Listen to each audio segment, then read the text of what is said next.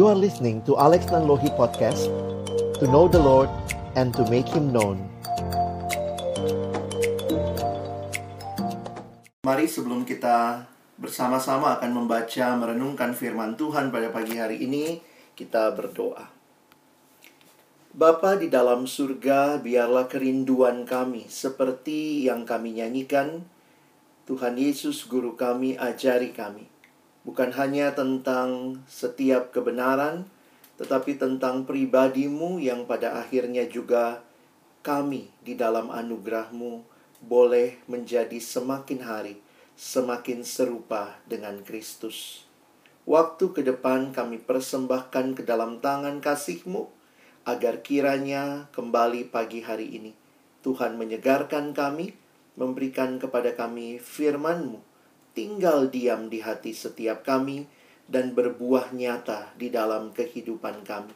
Secara khusus juga mewarnai perjalanan pelayanan perkantas beberapa tahun ke depan untuk kami sama-sama mengingat kembali apa yang menjadi kehendak dan maksud Tuhan kami mohon anugerahmu, tolong hamba yang terbatas menyampaikan firmanmu yang tidak terbatas. Dalam nama Tuhan Yesus kami berdoa dan menyerahkan pemberitaan firmanmu. Amin. Selamat pagi abang, kakak, teman-teman sekalian. Saya akan uh, menyiapkan uh, presentasi dari apa yang saya siapkan untuk pagi hari ini. Tema yang diberikan untuk sama-sama kita pikirkan adalah persekutuan yang memuridkan. Persekutuan yang memuridkan kembali seperti yang kemarin Kak Lina ingatkan ini diambil dari apa yang um, panitia gumulkan dari buku John Stott tentang The Living Church. Jadi ini bagian yang eh, sama-sama akan kita pikirkan ya. Apakah slide saya sudah kelihatan? Oke ya, semoga bisa dilihat dengan baik. Thank you. Nah, kita akan memulai dengan membaca bagian firman Tuhan di dalam 2 Timotius pasal yang ketiga, ayat 10 sampai ayat yang ke-17. Saya minta kesediaan untuk eh, adik saya Ray boleh membacakan buat kita 2 Timotius pasal 3 ayat 10 sampai ayat yang ke-17. Silakan. Ya, Tetapi engkau telah mengikuti ajaranku, cara hidupku, pendirianku, imanku, kesabaranku, kasihku, dan ketekunanku. Engkau telah ikut menderita penganiayaan dan sengsara seperti yang telah kuderita di Antioquia dan di Iconium dan di Listra. Semua penganiayaan itu kuderita dan Tuhan telah melepaskan aku daripadanya.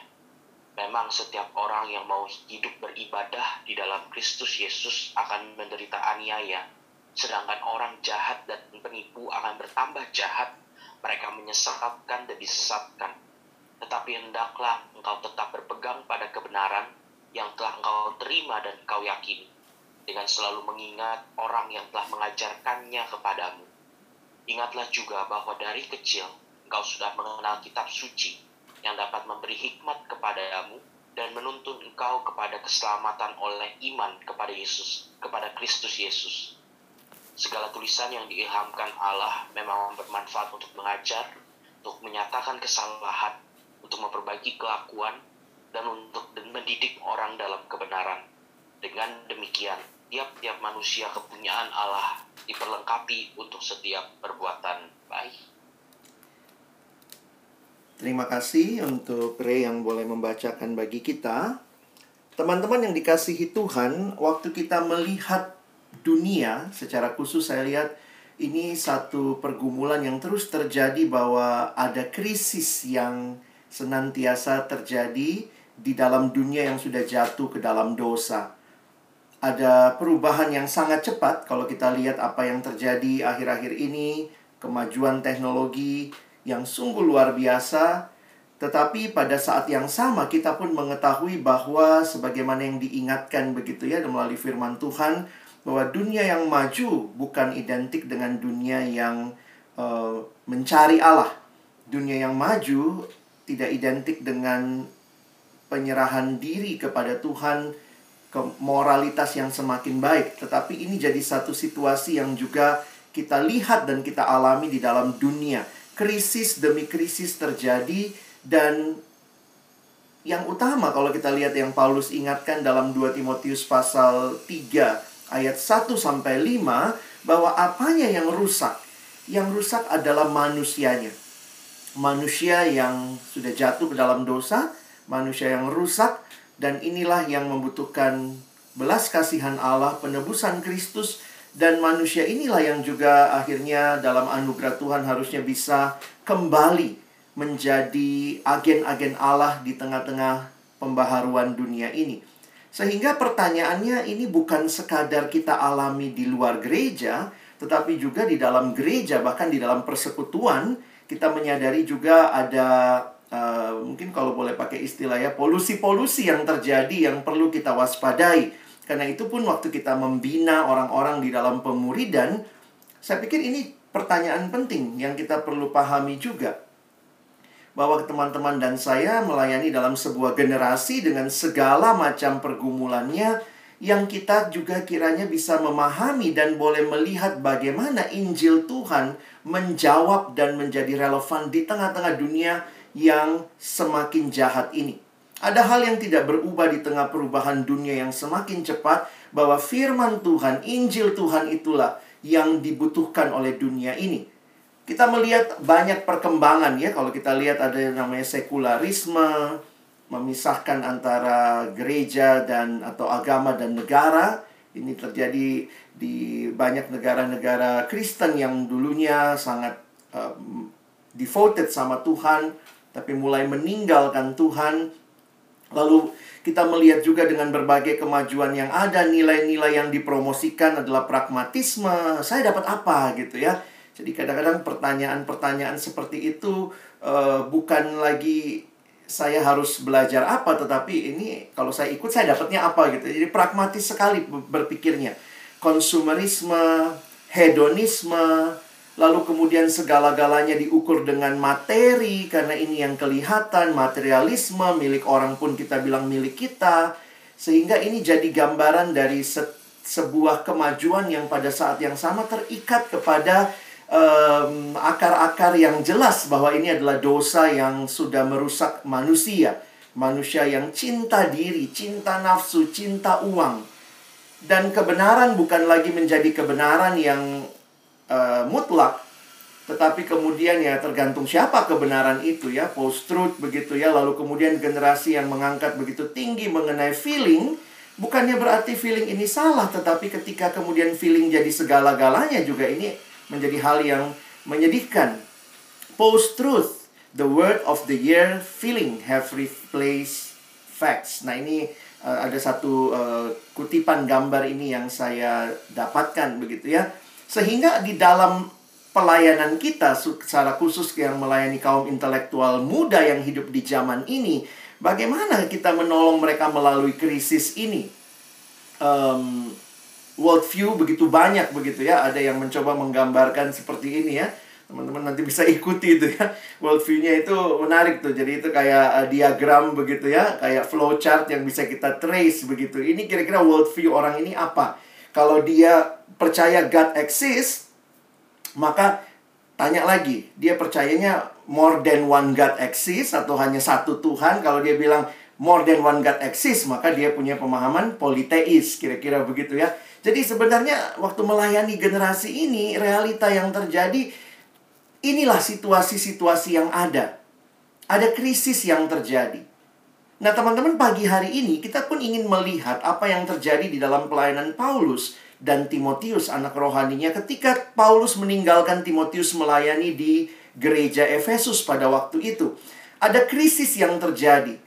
Sekitar tahun 64 Masehi, pada saat itu ancaman besar sedang melanda kekristenan di provinsi Asia, di mana kota Efesus berada itu saat ini di wilayah Turki bagian barat begitu Turki barat dengan Efesus sebagai ibu kotanya. Apa yang terjadi pada waktu itu? Untuk kita bisa memahami, teman-teman bisa melihat ya bahwa Paulus menulis surat penggembalaan ini kepada anak rohaninya diyakini dari penjara di Roma.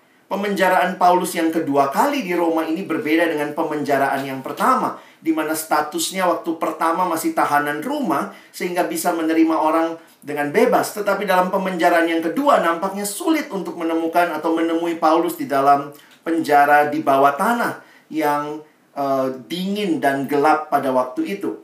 Nah, teman-teman, kita tahu bisa lihat sedikit petanya di mana Efesus lalu Roma di sebelah kiri atas cukup jauh begitu ya Paulus sama Timotius tapi di akhir hidupnya dari surat yang dia tuliskan terlihat jelas hati Paulus ada bersama dengan Timotius dan jemaat Efesus. Bagi saya ini satu hal yang luar biasa di tengah-tengah krisis yang terjadi. Paulus dipakai Tuhan hadir melalui tulisannya. Paulus dipakai Tuhan hadir melalui relasinya dengan Timotius dan inilah yang kita akan pelajari pada pagi hari ini.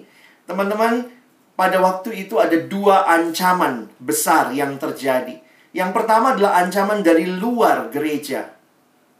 Nah, waktu itu ancamannya adalah dari pihak-pihak yang memiliki kebencian terhadap Tuhan Yesus dan kebencian kepada para pengikut Yesus. Bukan karena mereka hidupnya sembrono justru ya, tetapi mereka dibenci terutama karena perilaku hidup mereka yang saleh.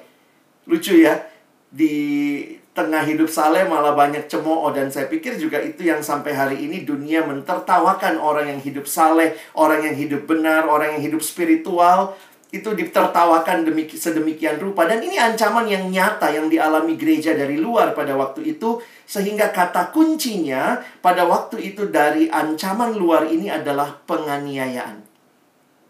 Sementara itu dari dalam gereja juga muncul ajaran-ajaran sesat. Teman-teman bisa lihat dari ayat yang ke-6 sampai ayat yang ke-9 2 Timotius pasal 3 di atas bacaan kita yang tadi kita melihat bahwa gereja mengalami juga ancaman dari pengajar sesat yang muncul dari dalam jemaat. Dan itu juga yang Paulus sudah ingatkan kepada penatua waktu bertemu dengan penatua gereja Efesus di Miletus dalam kisah Rasul pasal 20 dari antara kamu akan muncul pengajar-pengajar sesat. Dan inilah yang Paulus ingatkan kepada Timotius, kepada jemaat Efesus. Ancaman yang nyata ini dari luar, dari dalam. Ini krisis yang luar biasa. Kira-kira apa yang Paulus nasihatkan ya? Nah, ini yang saya rindu juga. Memang krisis kita tidak apple to apple dengan apa yang Paulus alami secara khusus pada waktu itu. Kita mungkin tidak mengalami penganiayaan fisik seperti yang dialami oleh Paulus dan juga orang-orang yang setia melayani bahkan menjadi martir. Tetapi kita mungkin mengalami um, tantangan mental begitu ya waktu kita apa Eh, berusaha hidup benar, hidup jujur, termasuk juga adik-adik kita yang kita layani, siswa, mahasiswa, alumni yang adalah mitra kita, tapi juga ternyata realitanya masih banyak butuh dilayani sering kali ya, karena uh, realitanya nggak semudah itu. Sehingga saya melihat betapa pentingnya untuk kita memikirkan dengan jelas apa yang menjadi strategi utama dalam pelayanan kita sebagaimana yang diingatkan Tuhan melalui nasihat Paulus kepada gereja Efesus secara khusus kepada anak rohaninya Timotius. Sesuai dengan bagian saya pagi ini, saya melihat yang pertama ini yang kita selalu bicarakan juga ya dalam pelayanan perkantas kita bicarakan bahwa penting sekali adanya orang-orang yang dimuridkan sehingga pemuridan juga menjadi kata kunci dalam pelayanan kita. Dan itu juga yang Paulus sampaikan di tengah-tengah waktu itu menjelang akhir pemerintahan Nero, Paulus ditangkap menjadi penghuni penjara di Roma. Paulus mengingatkan Timotius akan pentingnya pemuridan. Krisis dijawab dengan pastikan ada pemuridan yang terjadi dengan baik, dengan berkualitas, dengan berkesinambungan. 2 Timotius 2 ayat 2. Apa yang telah engkau dengar daripadaku di depan banyak saksi, percayakanlah itu kepada orang-orang yang dapat dipercayai yang juga cakap mengajar orang lain.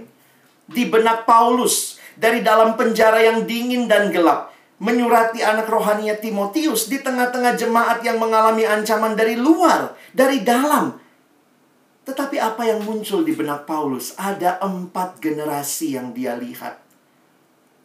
Saudara punya penglihatan seperti ini, bagi saya luar biasa ya. Uh, ini hanya Tuhan pasti yang memberikan bagi Paulus. Ada empat generasi yang Paulus lihat. Paulus, lalu kemudian Timotius, Timotius kepada orang yang dapat dipercaya, generasi ketiga, yang kemudian kemudian dikatakan ada orang lain. Wah, kadang-kadang dalam krisis apa ya kira-kira yang jadi per, apa ya ben, di benak kita begitu ya. Bagi saya yang menarik adalah ketika menghayati ini, Di sinilah saya makin melihat pentingnya kita memastikan ada pemuridan bahkan di dalam situasi krisis yang paling sulit sekalipun. Dan saya pikir pandemi ini salah satu bagian karena terjadinya sedunia. Tapi mari kita jujur bahwa sebenarnya rangkaian pergumulan hidup di dunia, rangkaian perjalanan pelayanan kita di dunia kan juga krisis demi krisis kita lalui. Jadi nanti kalau pandemi ini udah selesai pun pasti ada krisis baru lagi begitu ya. Ada nilai-nilai yang mungkin muncul lagi yang sebenarnya semua berakar kepada dosa. Alkitab memberikan kita kacamata yang bisa melihat bahwa sebenarnya semua ini bermuara kepada manusia yang ingin jadi Allah. Manusia yang merasa dirinya lah segala-galanya. Tetapi kemudian di tengah krisis seperti itu, Paulus menulis dari dalam penjara yang gelap dan dingin pada saat dia harus dirantai, dia dibelenggu itu istilah yang dia pakai. Dia melihat ada empat generasi, teman-teman. Ini pelayanan iman. Pelayanan yang di dalam anugerah Tuhan bisa melihat ke depan, melihat dan memastikan bahwa setiap generasi Tuhan masih bekerja. Setiap generasi Tuhan bekerja dan pastikan setiap generasi menangkap visi ini. Paulus berbicara tentang hidupnya 2 Timotius 3 ayat 10 sampai 11 ayatnya ini tadi kita baca ada tujuh ku yang Paulus sampaikan kepada Timotius. Dan ini menarik karena ketika memang Paulus menyurati Timotius, mereka sudah kenal kira-kira 16 tahun. Paulus sudah mengajak Timotius beberapa kali dalam pelayanannya sehingga dia berkata, "Engkau telah ikut ajaranku, cara hidupku, pendirianku, imanku, kesabaranku, kasihku dan ketekunanku." Teman-teman, ini yang bagi saya menarik. Perbedaan usia kedua orang ini ada kemungkinan lebih daripada 25 tahun atau mungkin 30 tahun. Paulus sudah kira-kira berumur 60 tahun. Timotius berumur 30 tahun. Tapi bisa begitu rupa punya kedekatan yang di dalamnya dia mengatakan engkau sudah ikut ajaranku, cara hidupku. Teman-teman kalau saya hanya berkhotbah, orang bisa tahu ajaran saya. Tetapi dari mana saya orang tahu apa yang menjadi cara hidup saya, pendirian saya? Ini bukan bicara bagi firman semata-mata, tetapi ini bicara bagi hidup. Dan di sinilah saya melihat luar biasa Paulus bukan hanya bicara pemuridan. Percayakanlah pada orang. Tapi Paulus sendiri melakukannya. Dia menanam hidupnya di orang yang dia yakini. Tuhan panggil Timotius. Sehingga tujuhku ini ya, bayangkan cara hidup, pendirian, iman, kesabaran, kasihku, ketekunanku ini apa ya, life transfer yang sangat luar biasa. Jadi uh, mungkin mungkin kita pikir gini ya, kalau kalau saya waktu awal misalnya melihat krisis, harusnya Paulus bilang dong sama Timotius, Timotius uh, keluar dari situ ya, hati-hatilah kamu kamu coba misalnya baca buku ini, buku itu. Ya tentu itu penting ya, tetapi Paulus ingatkan Timotius, kamu dalam krisis, ingat, ingat aku. Paulus sudah lewati banyak krisis. Salah satunya di ayat 11, Engkau telah ikut menderita penganiayaan dan sengsara seperti yang telah kuderita di Antioquia dan di Iconium dan di Listra. Jadi bukan cuma satu kali. Dan Timotius ikut menyertai Paulus ketika melayani. Ini perjalanan misi yang kedua. Semua penganiayaan itu kuderita dan Tuhan telah melepaskan aku daripadanya. Bagaimana bertahan dalam krisis? Lihat hidupku, Timotius. Lihat Tuhan yang berkarya dalam hidupku. Tuhan yang sudah melepaskan aku. Sehingga ini jadi tantangan. Timotius, kamu bisa untuk dalam generasimu hidup benar, hidup jujur, hidup berintegritas. Lihat hidupku. Aku telah melaluinya. Aku telah menjalaninya. Pemuridan ini bicara bukan sekadar menyampaikan transfer knowledge, karena kehidupan iman, teman-teman, tidak cukup hanya dibicarakan, perlu ditransfer. Tentu di dalamnya ada pemahaman, ada teladan, pengalaman iman, interaksi yang utuh.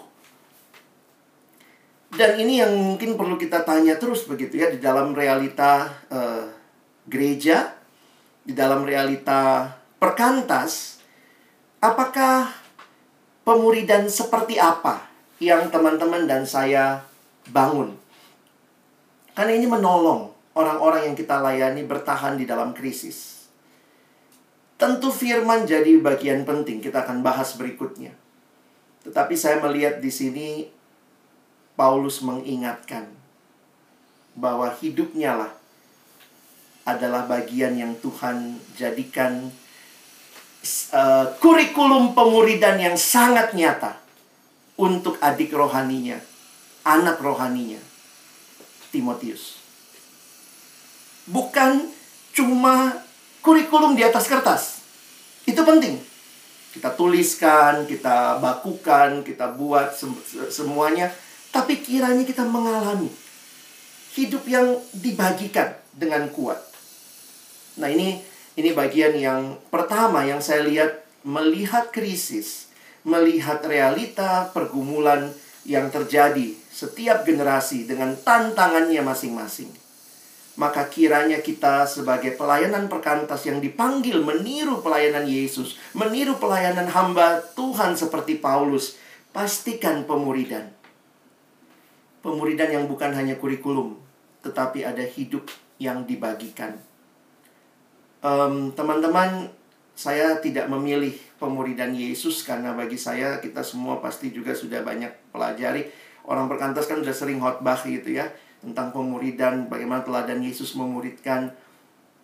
Uh, dan mungkin pada bilang Yesus kan Tuhan begitu ya. Tapi waktu saya melihat ini, uh, iya ya, pemuridan itu bukan program, It's a lifestyle.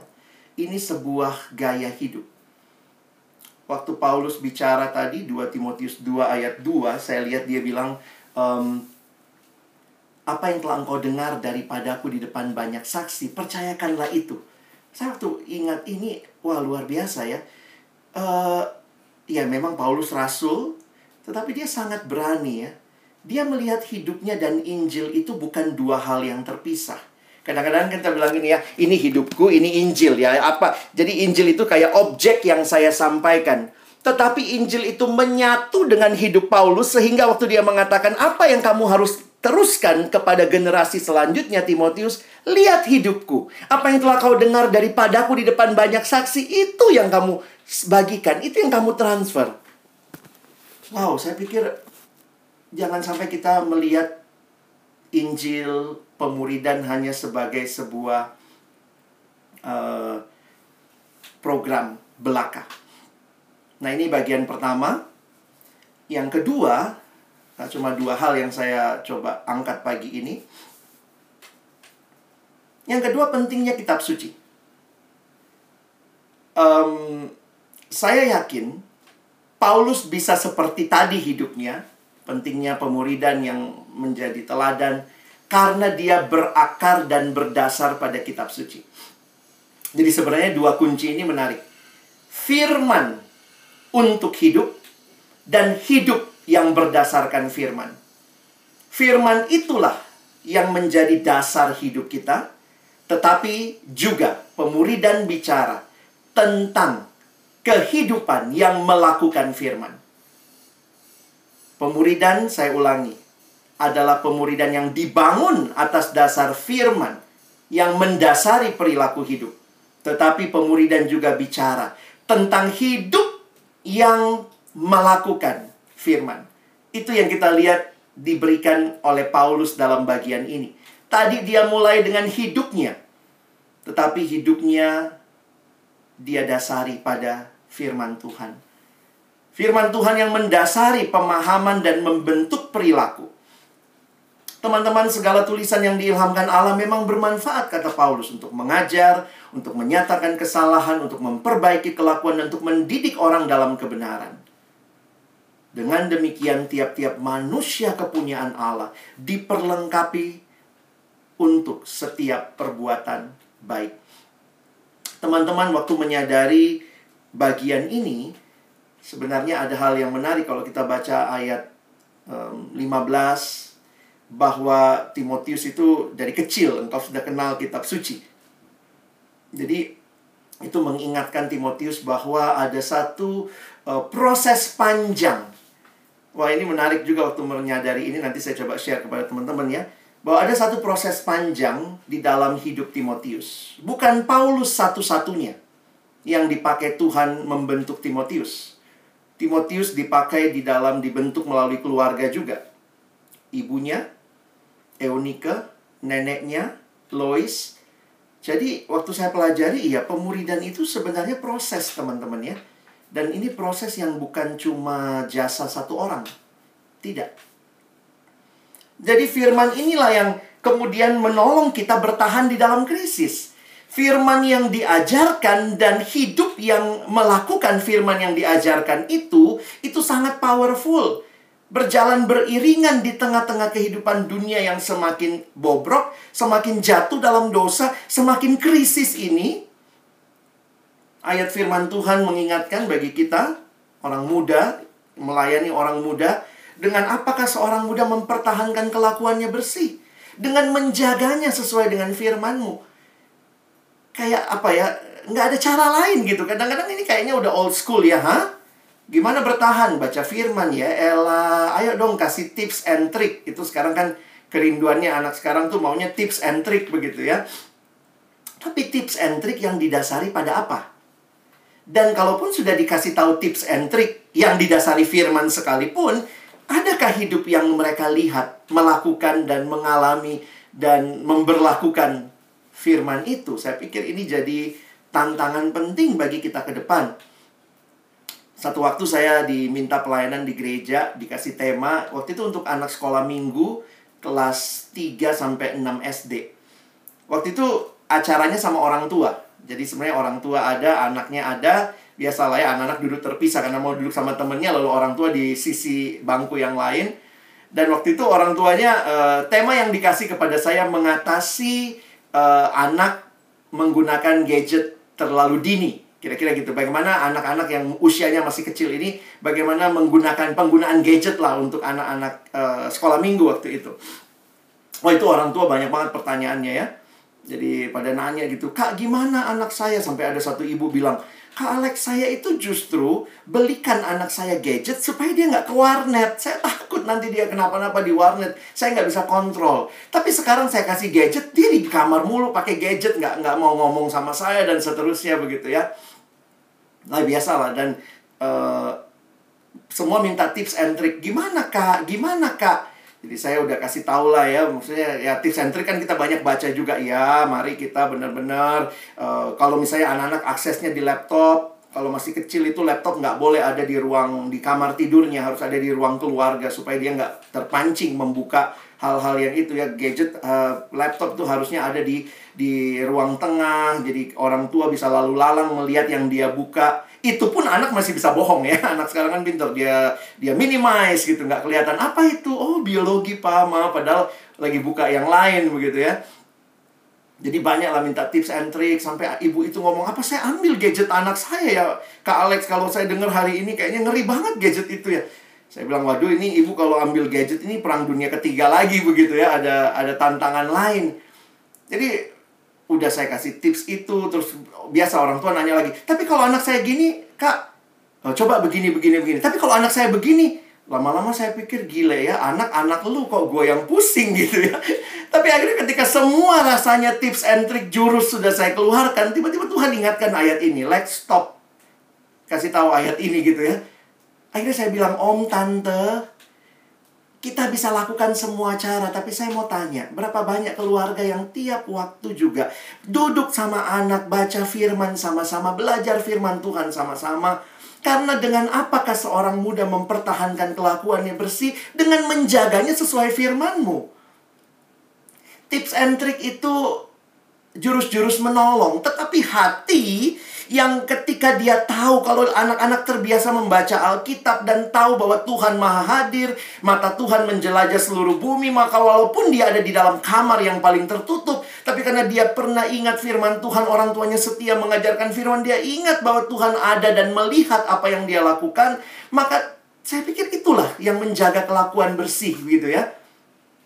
Jadi hari itu akhirnya saya bilang begitu uh, dan banyak orang tua tanda kutip terdiam ya. Karena semua mintanya tips and trick tapi sebenarnya tidak benar-benar memberi anak kesempatan belajar firman, mendengar firman. Thank you ya, Abang. Uh, Amang tulis tuh tentang kami di STT memang memaksa gitu ya adik-adik kita untuk jadi hamba Tuhan yang tahu firman, hafal firman Kadang-kadang kan nggak sempat buka Alkitab. Ya, ini kita diingatkan ayat-ayat yang kita pernah hafal, yang kita renungkan. Nah, ini disiplin-disiplin yang kita kiranya waktu kita melakukan kelompok kecil, jangan pikir yang mengubah orang itu tips and trick. Tapi biarlah firman Tuhan yang dia baca, dia renungkan, yang dikatakan dia simpan di hati yang terdalam keluar jadi satu kehidupan.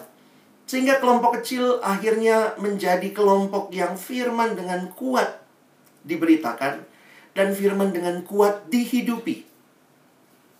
Kalimat ini menarik. The Bible will keep you from sin or sin will keep you from the Bible. Dan kita tahu ya bahwa Alkitab tidak diberikan untuk uh, informasi belaka. The Bible was not given for our information, but for our transformation. Alkitab membaca Alkitab dimaksudkan, tidak dimaksudkan untuk sekadar menambah pengetahuan. Kelompok kecil kita bukan les Alkitab ya. Tentu kita hafal, kita tapi kita mesti sampai kepada kehidupan yang melakukan itu dan itu perlu bimbingan, perlu doa, perlu kerja keras dari pemimpin paling tidak karena itulah yang uh, mungkin kita lakukan ya. Kita nggak bisa maksa orang lain ya, pemimpinnya yang kitanya yang harusnya bisa benar-benar mengubahnya. Saya kutip beberapa kalimat John Stott. Uh,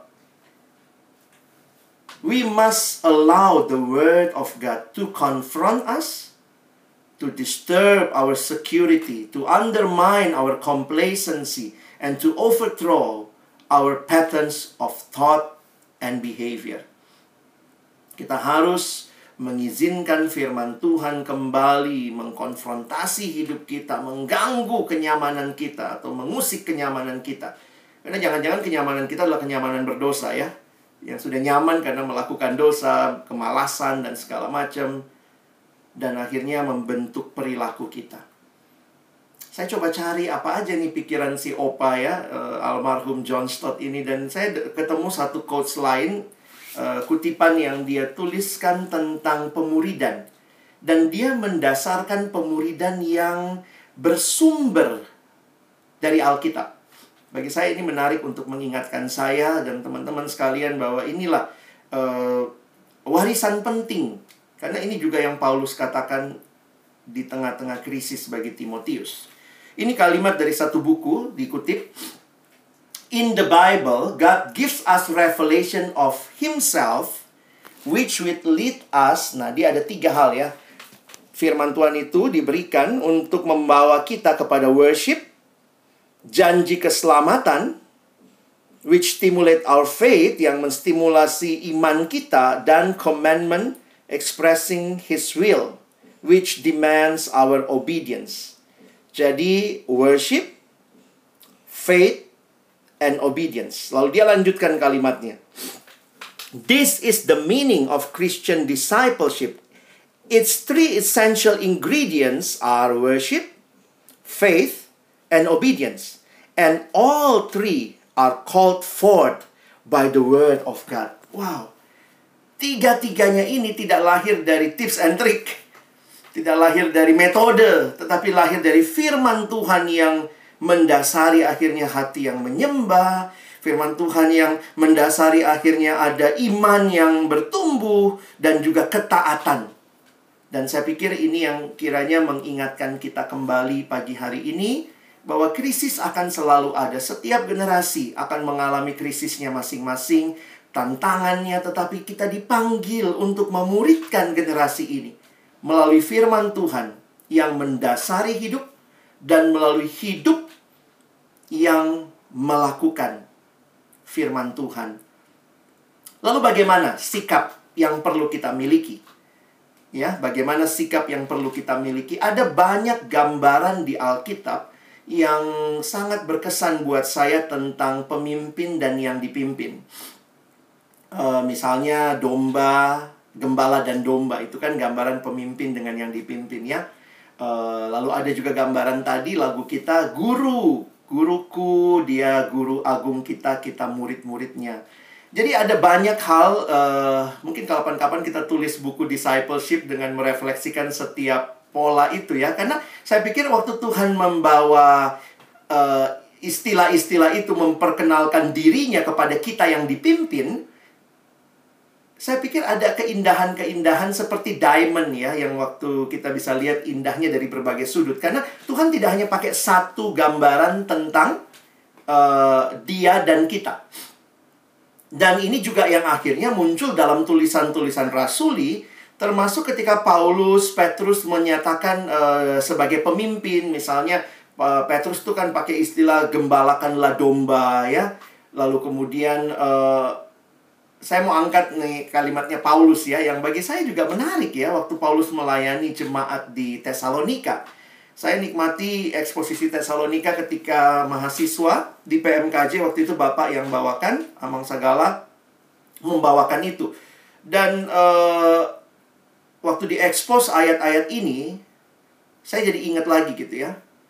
Tetapi engkau, tetapi kami berlaku ramah di antara kamu sama seperti ibu mengasuh dan merawati anaknya.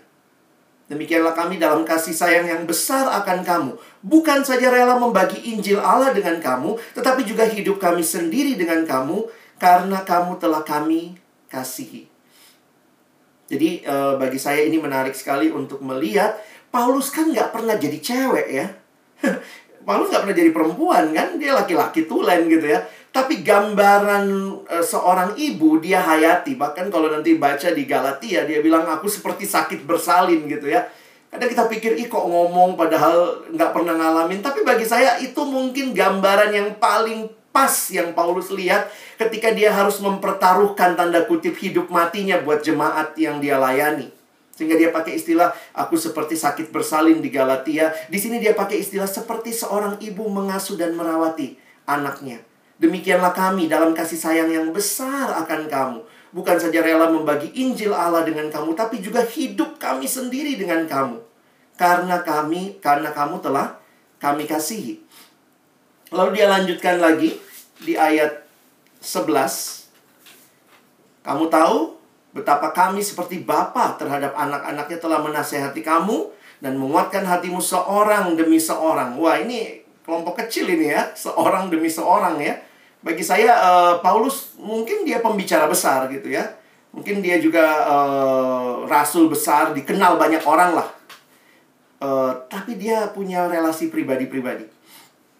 Dan meminta dengan sangat supaya kamu hidup sesuai dengan kehendak Allah yang memanggil kamu ke dalam kerajaannya dan kemuliaannya. Nah, teman-teman, saya ingin uh, mengajak kita untuk coba merefleksikan juga karena saya melihat uh, ini hal-hal yang saya rindukan juga terjadi di dalam komunitas kita, ya. Komunitas yang sebenarnya uh, gambaran orang tua dan anak harusnya terjadi. Um, ya, sama-sama pasti kita tahu kita punya kelebihan dan kelemahan masing-masing. Satu ayat yang saya coba hayati adalah ayat ini juga di dalam Amsal ya.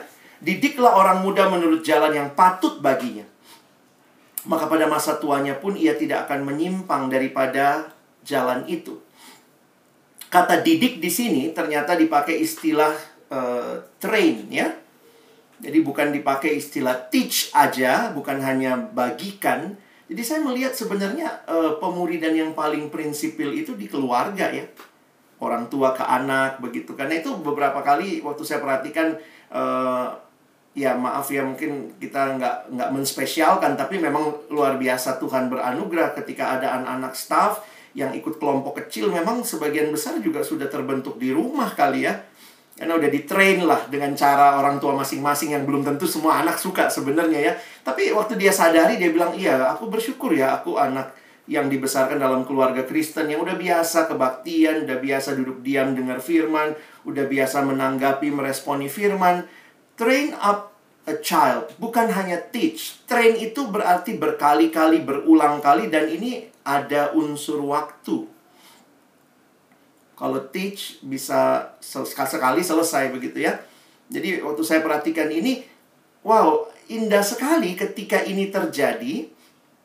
Dan pertanyaannya buat saya juga dan buat kita sekalian, ini masih terjadi nggak ya di perkantas? Ya, mari kita memperjuangkan ini sama-sama karena tema waktu saya renungkan persekutuan yang memuridkan. Nah, teman-teman saya coba coba hayati ya. Iya juga ya. Terjadinya seperti apa nih? Kadang-kadang tanpa kita sadari ya, uh, saya merenungkan ini perenungan pribadi saya. Kita tanpa sadar bisa jadi membanding-bandingkan generasi ya. Generasi mana yang paling baik? Ya, semua generasi punya tantangannya ya. Um, dan ketika kita sudah mulai berpikir seperti ini, generasi mana yang terbaik begitu ya. Ternyata setiap generasi punya tantangannya. Jadi kadang ini ada kutipan saya dapat dari teman kemarin ya. Dia bilang, "Coba bayangkan kalau kamu adalah orang yang lahir tahun 1900." Kalau kamu lahir tahun 1900, kira-kira waktu kamu usia 14 tahun itu terjadi perang dunia satu. Sedih banget gitu ya. Sedih banget. Oh ya, Amang uh, kita rekam Amang jadi nanti semoga kalau Amang harus terjadi Amang lowbat soalnya ya. Oke, dia bilangnya begini. Kalau usia 14 tahun, Perang Dunia 1 dimulai. Berakhir waktu Anda usia 4, 18 tahun. Dan itu waktu itu krisisnya 22 juta orang meninggal. Setelah pandemi, setelah itu pandemi global, flu Spanyol. 50 juta orang meninggal dan Anda masih hidup dan berusia 20 tahun. Waktu usia 29 tahun Anda selamat dari krisis ekonomi global yang dimulai dengan jatuhnya bursa efek New York yang menyebabkan inflasi, pengangguran, kelaparan begitu ya. Ini waktu pikirin sedih banget hidup kayak begitu ya. Waktu 33 tahun Nazi berkuasa, 39 Perang Dunia Kedua, waktu selesai Perang Dunia umur 45 tahun, waktu itu 60 juta orang meninggal. Lalu dalam Holocaust Yahudi 6 juta orang. Waktu usia 52 tahun Perang Korea dimulai. Waktu usia 64 Perang Vietnam dimulai. Berakhir waktu Anda usia 75. Seorang anak yang lahir tahun 85 mungkin berpikir kakek neneknya tidak tahu betapa sulitnya kehidupan. Tapi mereka telah selamat dari beberapa perang dan bencana. Jadi apa ya? Uh, ya ini ini refleksi tentang pandemi sekarang ya dengan orang yang mengeluh-mengeluh ya. Akhirnya saya melihat begini loh, hati-hati teman-teman. Hati-hati bahaya kesombongan merasa generasi kita yang terbaik. Karena sebenarnya kesombongan itu dosa awal ya manusia ya. Dan ternyata yang paling sedih ketika itu mungkin juga terjadi di persekutuan kita. Di tengah-tengah PKK dan AKK, mungkin ada PKK yang mulai melihat, wah ya, saya dong PKK yang lebih baik dari dia. Lalu memang kalimat-kalimat yang kita sadari uh, mungkin di dalamnya ada maksud baik, tetapi sangat tipis jatuh ke dalam kesombongan merasa generasi kita yang terbaik. Ini sekali lagi bukan berarti yang tua tidak boleh kasih nasihat, yang muda nggak boleh merasa dirinya uh, punya sesuatu. Ini bukan bicara ini, tetapi ini kenyataan realita manusia berdosa. Karena itu, waktu saya pelajari Efesus pasal yang kelima, ayat kuncinya itu sebelum masuk ke relasi rumah tangga, tunduklah kamu, rendahkanlah dirimu satu terhadap yang lain. Mungkin kalau kita lihat itu sekilas kan suami dengan istri, tapi istri sama suami juga.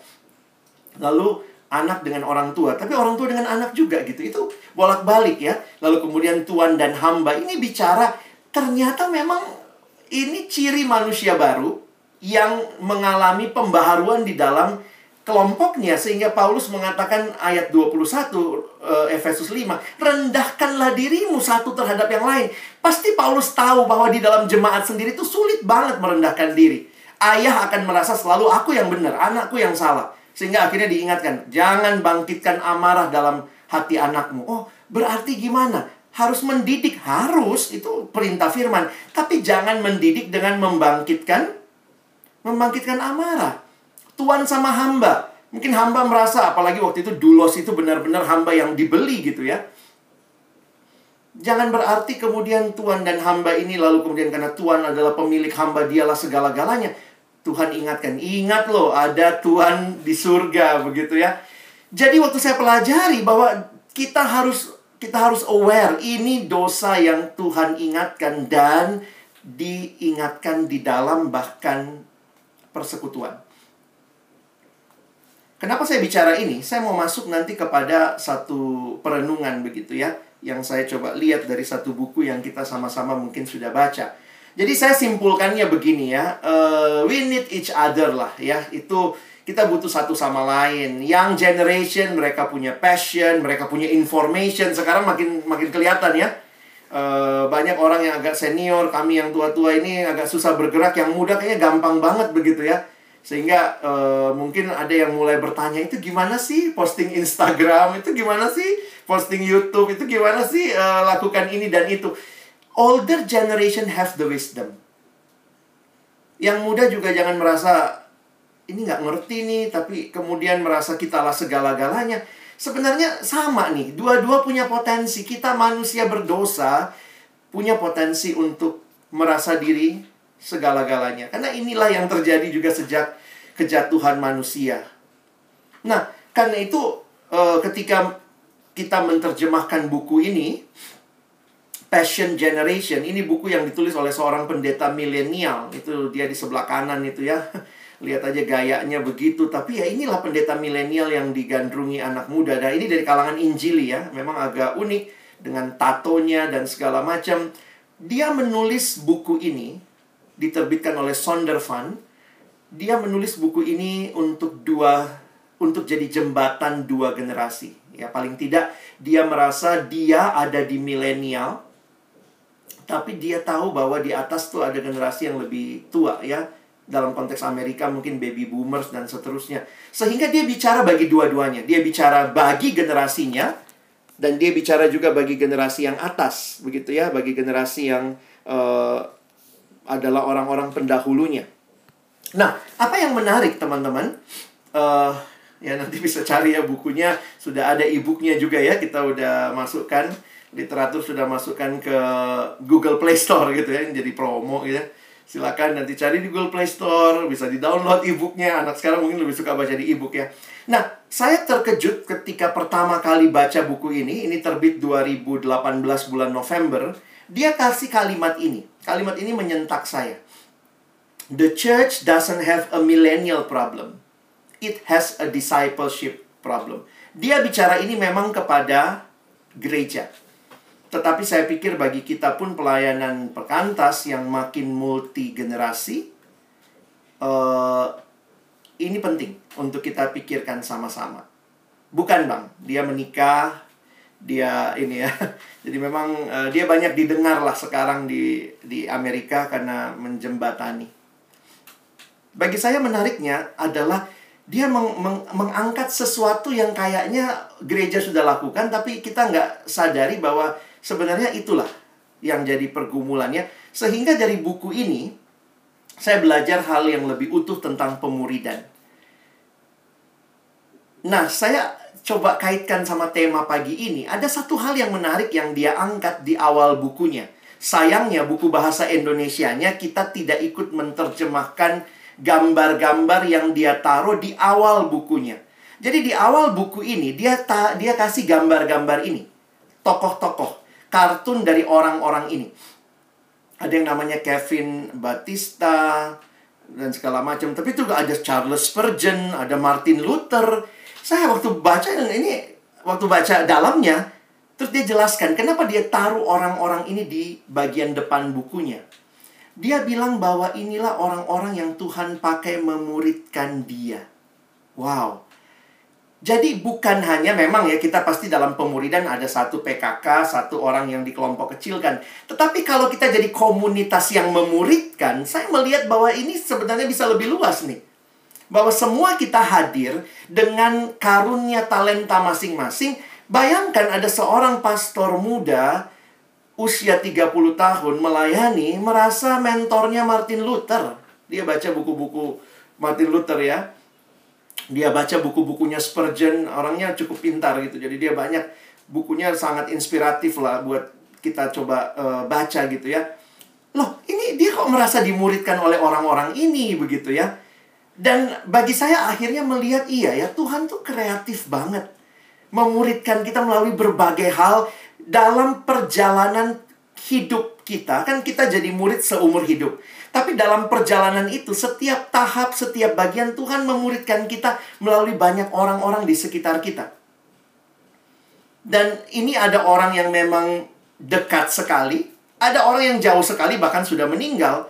Tapi karya-karyanya ketika kita spend waktu, kita akan nikmati. Dia menggembalakan kita, dia membangun kita melalui karya-karya ini. Memang yang paling dia uh, fokus adalah orang sebelah kiri atas itu ya, Kevin Batista.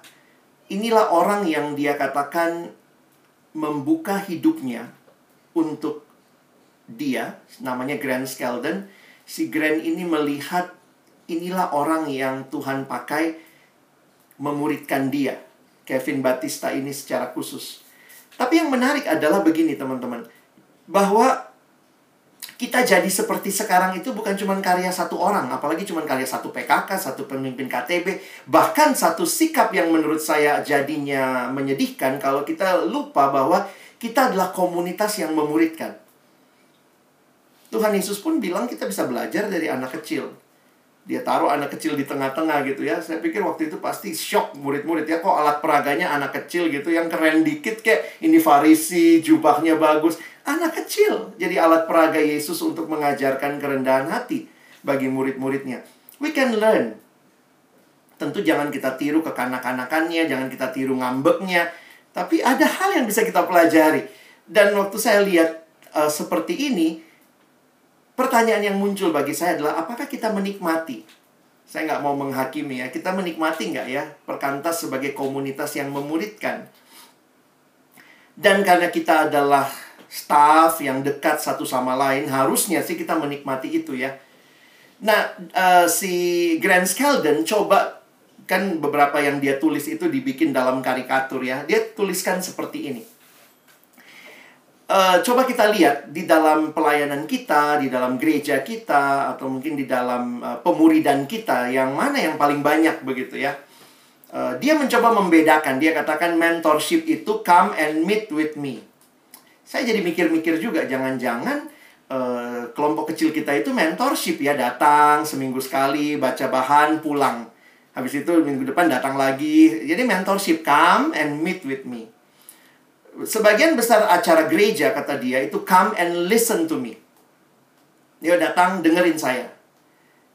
Tetapi sebenarnya milenial ini kan senang didengar, senang berkontribusi. Kalau yang ngomong terus orang tua dan yang tua ini ngomongnya gak berhenti-berhenti ya, kayak saya kadang-kadang kalau mikir gitu ya, ketemu anak siswa, memang kadang kita terpancing gitu ya, mau kasih tahu semua sama dia gitu. Beberapa ada anak siswa telepon saya dua jam, saya waktu evaluasi, saya ngomong satu jam setengah kali gitu ya. Tapi dia juga senang sih. Kadang saya juga mesti lihat orangnya ya. Tapi poin saya adalah jangan sampai dia nggak punya tempat untuk ber, ber, menyampaikan apa yang dia sedang rasakan, yang dia gumulkan gitu ya. Ternyata Tuhan Yesus kasih polanya, come and follow me. Itu yang Alkitabiah sebenarnya. Tentu di dalam di dalam kita melayani tiga-tiganya kepake. Saya meyakini tiga-tiganya kepake. Jadi jangan juga kita jadi membeda-bedakan. Saya pikir dia coba kotak-kotakan seperti ini karena mungkin pengalaman dia. Karena dia melihat begini. Ada satu temannya datangi satu pendeta. Ini anak ini baru bertobat, masih muda katanya. Datangin satu pendeta lalu bilang, Pak pendeta, uh, muridkan saya. Lalu pendetanya ngapain? Pendetanya buka jadwal. Aduh nak, saya punya jadwal penuh banget. Saya nggak bisa tambah lagi satu pemuridan buat kamu. Saya ini sibuk. Entah bagaimana ya, anak ini mungkin sudah tahu Tuhan Yesus juga ya. Dia bilang begini, Pak Pendeta, saya tidak minta Anda membuat jadwal untuk saya. Saya minta Anda memasukkan jadwal. Memasukkan saya dalam jadwalmu. Wow. Masukkan saya Pak dalam jadwal Bapak. Saya pengen ikut ke mana Bapak pergi. Saya pengen lihat kalau Bapak mau pelayanan kayak apa, Bapak berdoanya kayak apa. Saya pengen lihat hidup Bapak.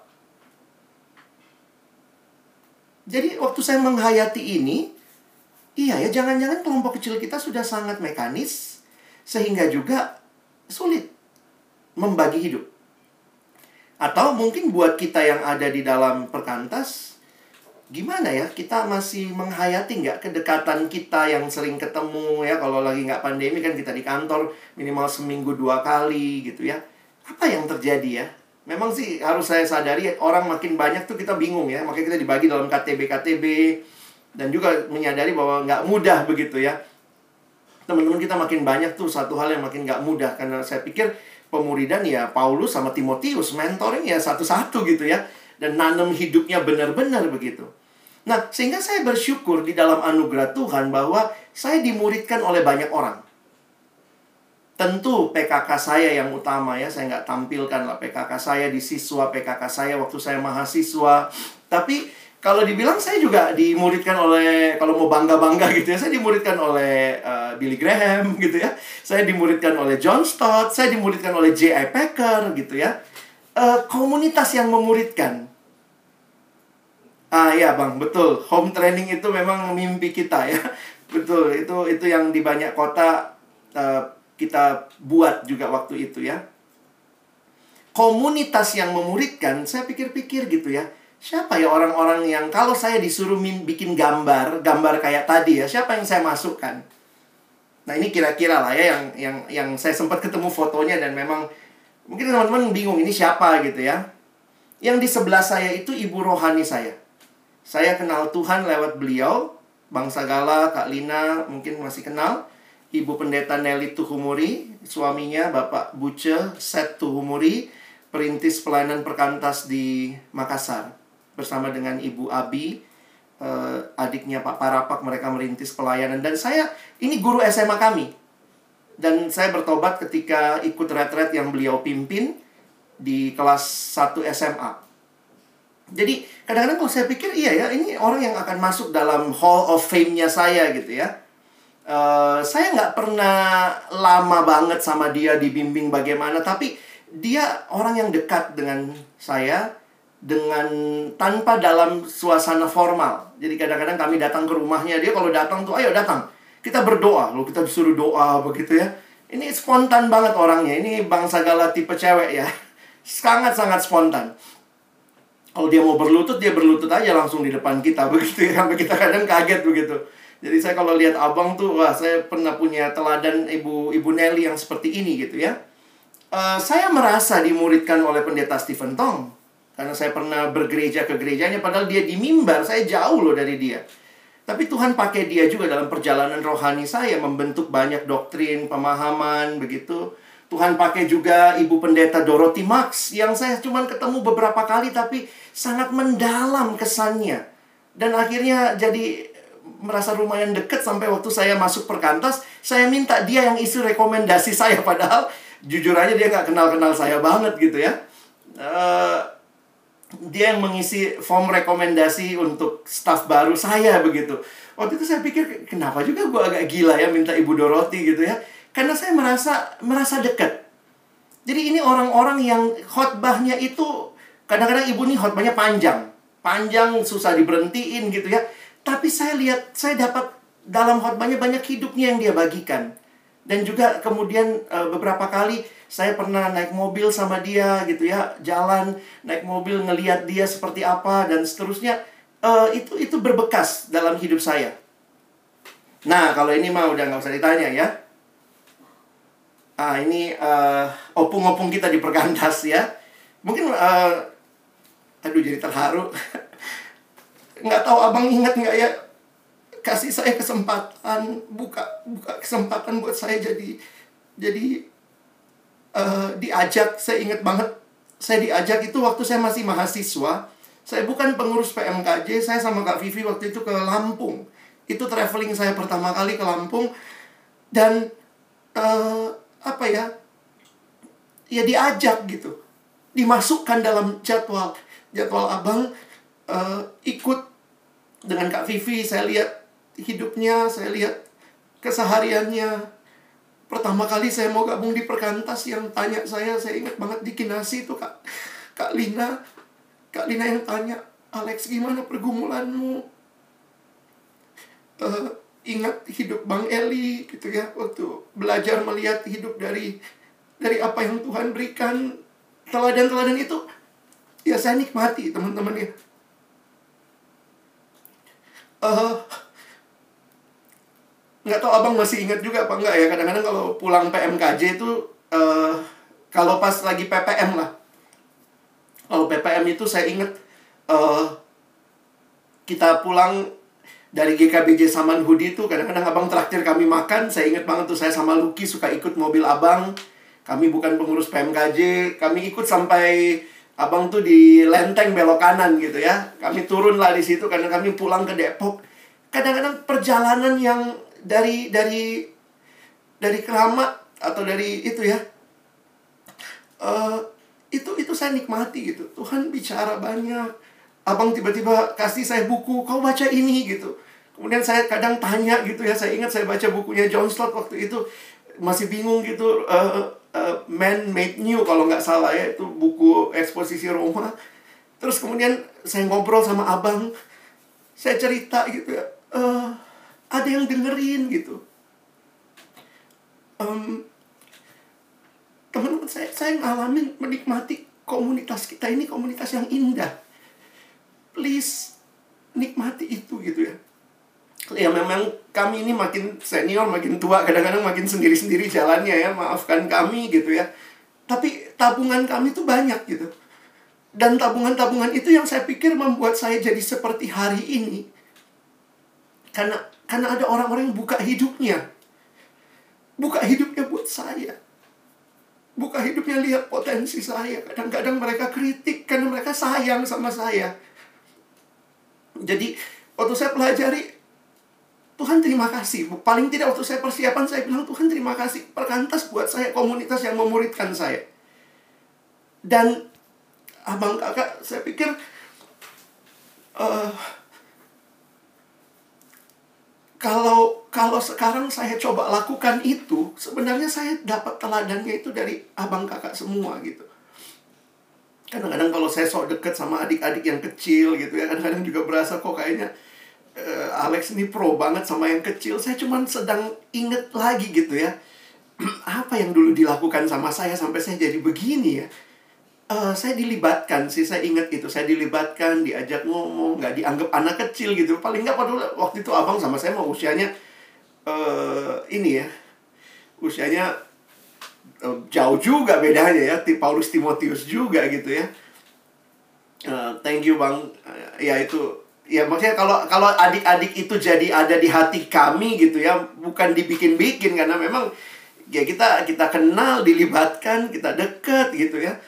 Uh, pemuridan seperti itu yang saya pikir bukan cuma ketemu seminggu sekali. Makanya saya pikir kalau kami pun jarang ketemu tapi waktu berdoa bersama ya pernah bikin KTB lansia gitu ya itu indah itu indah. Dan saya nggak tahu ya bang kakak kita kita juga makin tua ya kita nggak kita hanya bisa cerita nih hari ini gitu ya. Dan adik-adik yang yang mungkin mendengar juga bisa coba berpikir gitu ya bagaimana uh, bisa melihat begitu apa yang apa yang saya alami. Dan mungkin ini jadi kesaksian untuk kita sama-sama berjuang kali ya menikmati itu dalam dalam dalam ketidakberdayaan kita. Dalam kelemahan kita. Kita ini lemah kita ini konfliknya banyak tapi ternyata itu cara-cara yang Tuhan sedang pakai kita. Jangan sampai iblis memakai kesempatan untuk menghancurkan kita ya. Tapi kiranya kita makin bersatu gitu ya. Melihat satu sama lain. Ya, jadi uh, thank you ya untuk semua gitu ya. Uh, Kak Vivi, saya waktu itu belajar dari cara membawa payung yang benar, cara membawa payung yang baik dan benar gitu ya. Jadi waktu itu saya ingat mesti nemenin Kak Vivi kita naik uh, apa ya dari Merak begitu. Terus beberapa kali uh, ya saya kan saya ya yang waktu itu banyak sekali khotbah ya Bang Sagala gitu ya dalam hidup saya. Jadi beberapa kali misalnya abang kalau khotbah tuh proskuneo sujud sujud kepada Bapa yang daripadanya segala rahmat Saya kadang suka mikir, wow hebat banget ya sujud gitu ya. Eh bener waktu saya ke Lampung, nggak, nggak tahu abang ingat apa enggak ya. Waktu saya ke Lampung sama abang nginep di rumah Bang Bona waktu itu di ini ya di atas di Tanjung gitu. Dan kemudian saya sekamar sama abang tuh saya inget banget tuh. Sekamar sama abang pagi-pagi kan uh, abang tuh bangunnya cepet udah bangun cepet bener-bener sujud gitu. Itu yang saya kaget gitu. Jadi ternyata bukan cuma khotbahnya saya lihat tuh hidupnya. Abang sujud di pinggir saya. Jadi saya udah bangun sebenarnya abang. Saya mau ke toilet nggak bisa gitu abang lagi sujud. Saya udah takut gitu gimana caranya ya? Kalau kalau saya ini ya mau mau jalan gitu takut juga gitu. Uh, tapi saya saya bukan cuma lihat lihat uh, dengar khotbah yang mengatakan abang sujud gitu ya. Ternyata benar-benar dipraktekkan. Jadi teman-teman bisa bayangkan saya di atas tempat tidur saya duduk saya tutup begini ya karena abang lagi sujud di samping saya. Dan itu nikmati ya uh, apa yang saya dengar itu juga yang saya lihat sehingga walaupun jujur ya, kalaupun banyak orang yang salah mengerti abang, saya termasuk yang bisa melihat karena saya tahu lah tulusnya abang kayak apa. Soal abang banyak kelemahan mas, siapa yang nggak tahu ya. Tapi ketulusan abang gitu ya. Dan bagi bagi saya itu yang menarik untuk saya kenang sebagai proses pemuridan di perkantas ini. Jadi setiap generasi, uh, ya tiap generasi kita kita perlu berdoa ya supaya anugerah Tuhan terjadi bagi kita. Memang ada yang bilang gini ya si Grant Skeldon kalau kamu tidak tidak memuridkan generasi ini ya jangan kritiki mereka begitu ya. Atau kalimat lain ya kita nggak bisa mengekspektasi apa yang kita tidak invest. Jadi bagi saya warisan terbaik bagi generasi muda adalah teladan yang baik dari generasi yang lebih tua. Mari kita berjuang sama-sama menjadikan kembali perkantas komunitas yang memuridkan dan keindahan itulah yang kiranya dialami dari generasi ke generasi. Kita cari cara terbaik belajar spend waktu. Kadang-kadang ah, mungkin Bang Sagala kami menikmati pizza kalau abang datang gitu ya. Kadang-kadang kalau abang datang tuh rapat berhenti gitu ya. Takut juga nih kalau abang ngomong pasti kita mesti dengar semua. Tapi ketika pizza itu hadir, terhibur kita semua gitu ya. Uh, karena saya lihat iya ya, perhatian yang tulus, kasih yang tulus begitu.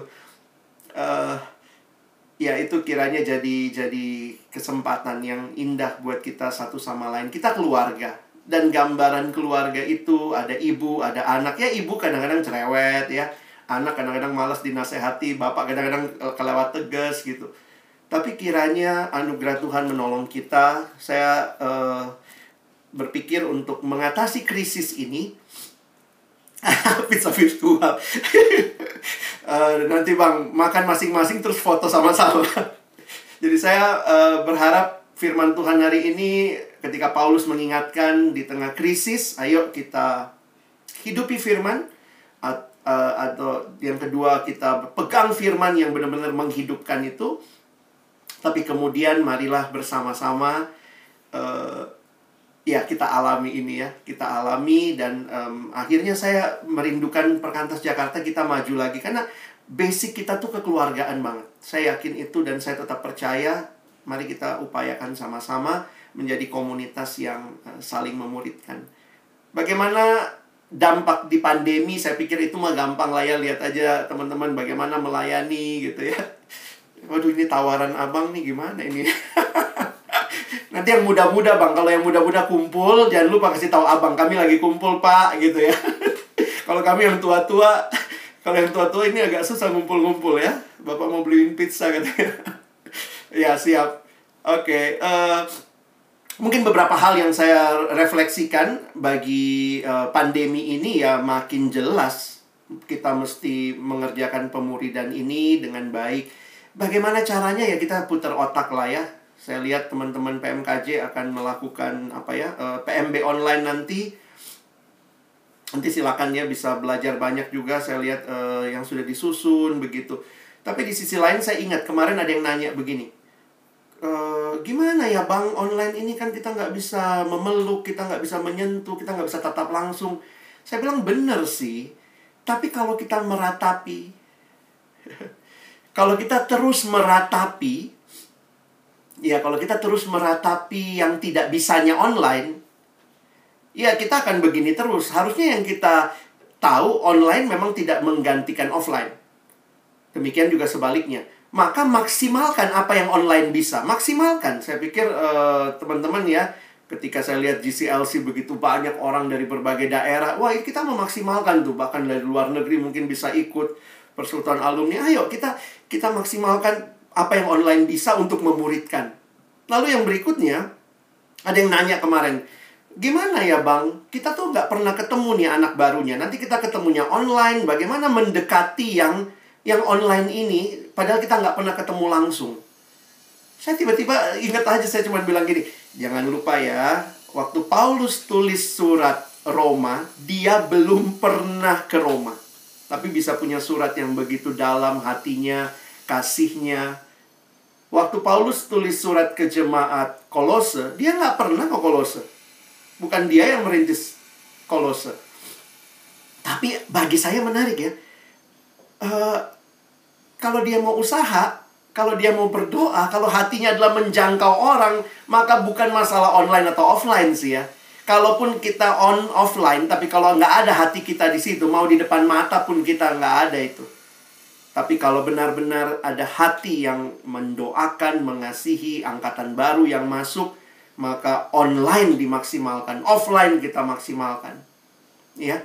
Jadi kiranya jadi ini perenungan saya pagi ini uh, kiranya Tuhan memakai kita bagi generasi ini melalui komunitas persekutuan yang memuridkan.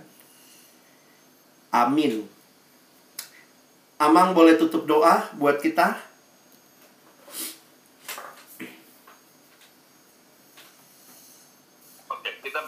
tapi tetap uh, kameranya boleh mati ya karena masih rendah. Iya bang. Oke, mari kita berdoa. Segala pujian, syukur, hormat, kemuliaan hanya bagimu Bapa yang baik. Terima kasih melalui dua Timotius tiga kami diingatkan pentingnya pengajaran baik melalui ajaran yang benar yang berdasar kepada kitab suci tetapi juga yang tidak terpisahkan dengan hidup yang sudah lebih dahulu dibentuk oleh kitab suci.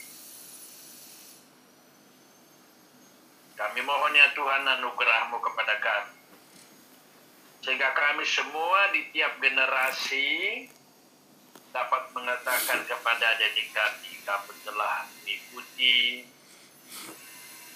cara hidupku, imanku, tujuanku, kasihku, ajaranku, penderitaanku, baik dikala lancar, susah.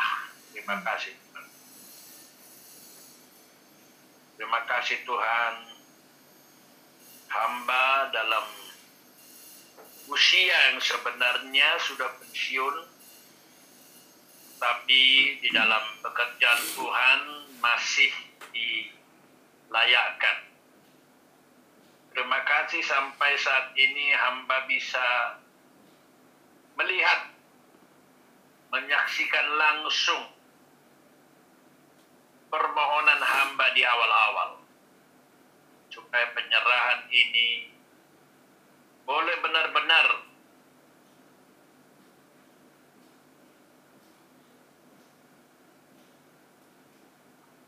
menghasilkan hidup baru.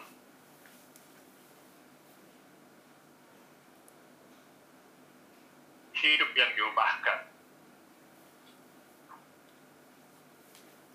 Tuhan Yesus terima kasih selama Empat dekade ini hamba melihat pekerjaanmu yang luar biasa dalam perkataan. Jakarta dan regional, juga nasional. Terutama Jakarta. Terima kasih. Kemarin hambamu menikmati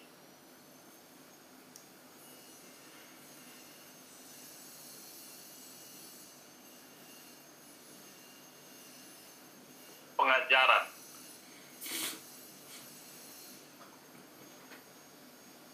dengan sharing dari hambamu Lina. Dan hari ini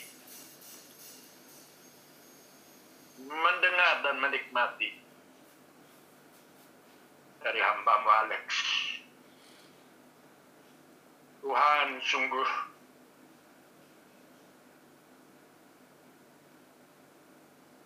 melihat hidup mereka pun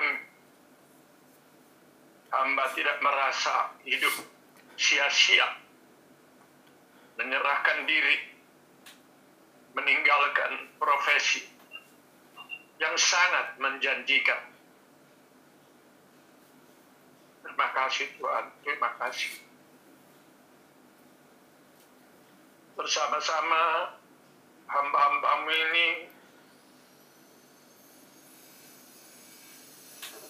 Bang, Al, Bang Alex, Bang Eli yang lebih tua yang cukup lama menyaksikan pekerjaanmu sampai kepada generasi yang paling muda staf baru. Kami satukan. Sembah sujud kami. Syukur kami. Tuhan kami tahu tantangan besar.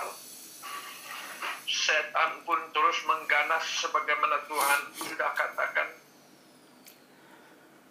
Bahwa menjelang di akhir zaman itu kehidupan akan semakin mengerikan itulah yang kami baca tadi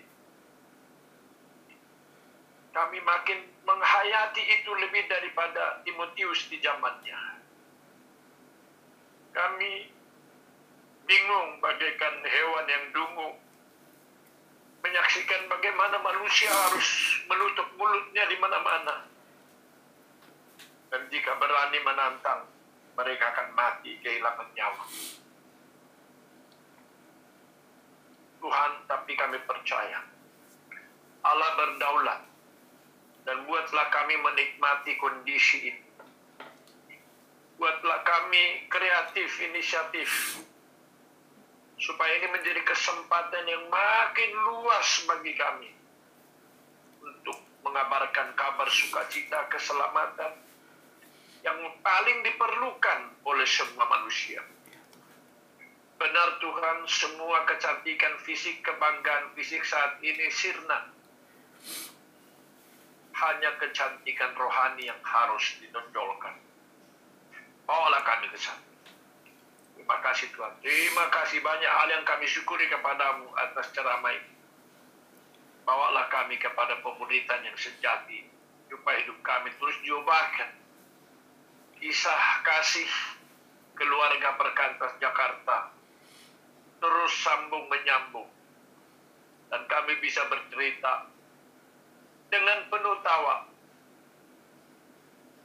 Dengan mencucurkan air mata mengingat, mengenang kasih baik.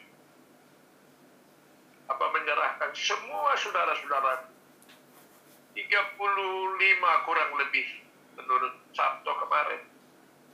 Berkati Tuhan, kuasamu, anugerahmu sempurna.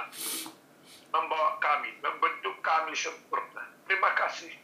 Kuasa daging, kuasa dunia, kuasa setan, pasti di bawah kuasamu terpujilah Tuhan. Kepada Tuhan Yesus sang pemenang yang karyanya selesai, sudah selesai. Kami menyerahkan diri kami dan rakyat hari ini. Secara khusus hambamu Alex berkat. Perintahkan terus berkatmu kepada kepada Debbie. Jika Tuhan berkenan mengaruniakan keturunan, kerjakan mujizat. Semua kami serahkan padamu. Bukan hanya di Indonesia. Terima kasih di IFES juga sudah dipakai agar lebih luas lagi. Berkantas Indonesia Tuhan, terima kasih sudah hamba lihat. Salah satu gerakan paling baik gerakan mahasiswa di dunia. Supaya ratusan staf berkantas boleh menjadi misionari ke berbagai belahan dunia. Yang ada sempurnakan doa kami, terimalah ucapan syukur kami dalam nama Yesus. Amin. Makasih Abang, saya kembalikan kepada Ayuni.